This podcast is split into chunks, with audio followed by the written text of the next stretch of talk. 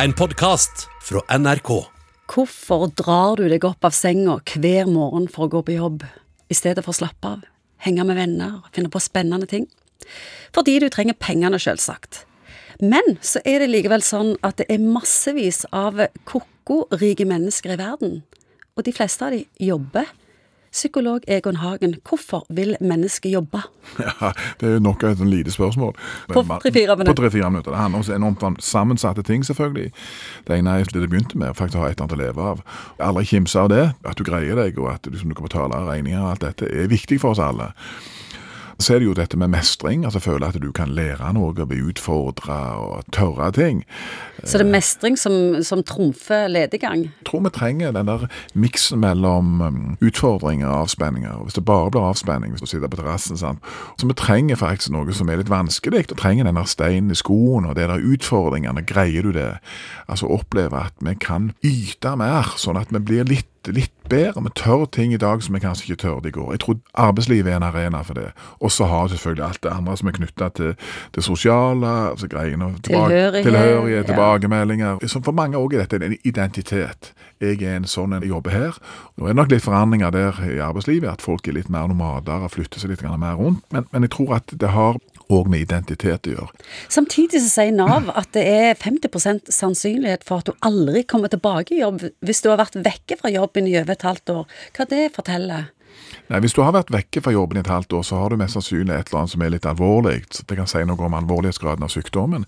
Det er mye forskning som viser at det å komme tilbake igjen Du føler kanskje at du kom litt ut av det, og så mista noe av piffen, kanskje. Men hva med den tendensen vi så for noen år siden, de som hadde party når de fikk uføretrygd? Ja. Yes, Jo, jo, jeg har òg klarte å bli uføretrygd. Ja, ja, ja, det er jo, men det er jo det er? Ja, Vi har jo snakket om det før, at det er noen plasser hvor folk blir mer uføretrygd enn andre. Og hvor liksom folk diskuterer med hverandre har du ikke fått trygda ennå, som om det var en naturlig måte å gå av på som 35-åring. Nå er vi litt sjablongaktige.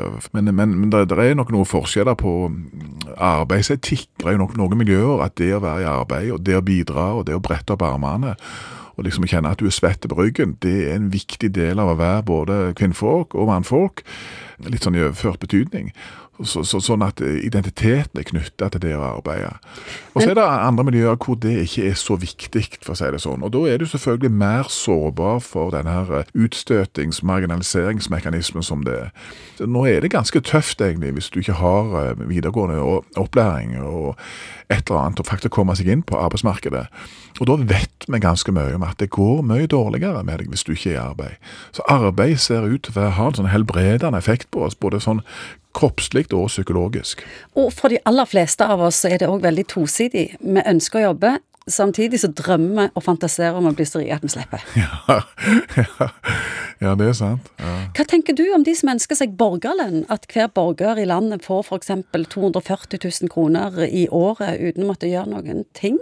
Det er jo en idé som endrer spillet. Ja, Ideen kommer vel litt grann fordi at det er ikke arbeidsoppgaver. altså Så mye kommer til å bli automatisert vekk. Det er roboter, det, er, det kommer til å skje ganske mye framover, tror jeg. Sånn at vi kommer i en situasjon at det er faktisk ikke Vi trenger ikke alle disse hendene.